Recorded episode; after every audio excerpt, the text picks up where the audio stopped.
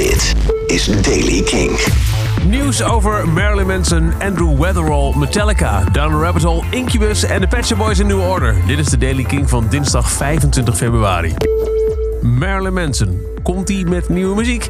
Hij heeft een cryptische foto gedeeld op zijn Instagram. Met daardoor heel veel speculaties over wellicht een nieuw album. Het zou zijn elfde studioalbum worden en het eerste sinds Heaven Upside Down uit 2017.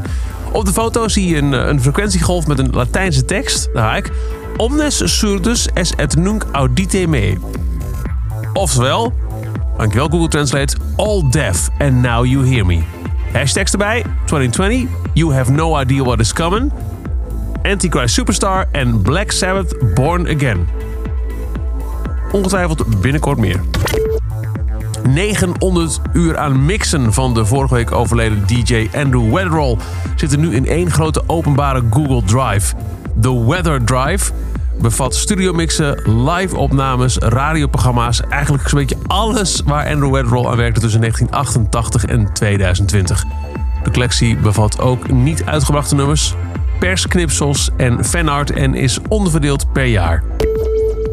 Metallica. Gisteren was nog het nieuws dat James Hetfield had opgetreden voor het eerst sinds zijn rehab, maar hij is er nog niet. De band heeft namelijk twee optredens moeten afzeggen op festivals in zowel mei als september. Het gaat over festivals in Columbus, Ohio en Louisville, Kentucky.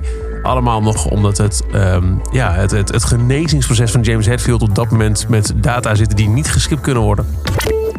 Down the Rabbit Hole komt deze week met nieuwe namen, zo lijkt het. Ze hebben gisteren opgeroepen om toch vooral de nieuwe app te downloaden en die goed in de gaten te houden.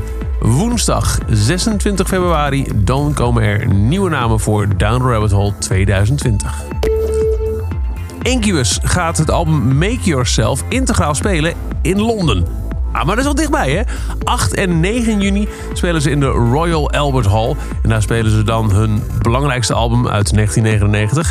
Er zijn nog wat shows aangekondigd die niet per se integraal Make Yourself zijn in Birmingham, Manchester en Glasgow. Dus goed, nogmaals, Incubus is deze zomer in de buurt. Niet in de buurt, maar wel, wauw. Een co-headliner tour van New Order en Pet Shop Boys. De 80s synth-helden doen een grote Unity Tour vanaf september door Noord-Amerika. Maar hopelijk bevalt het en doen ze er daarna nog eentje in, oh, zeg Europa.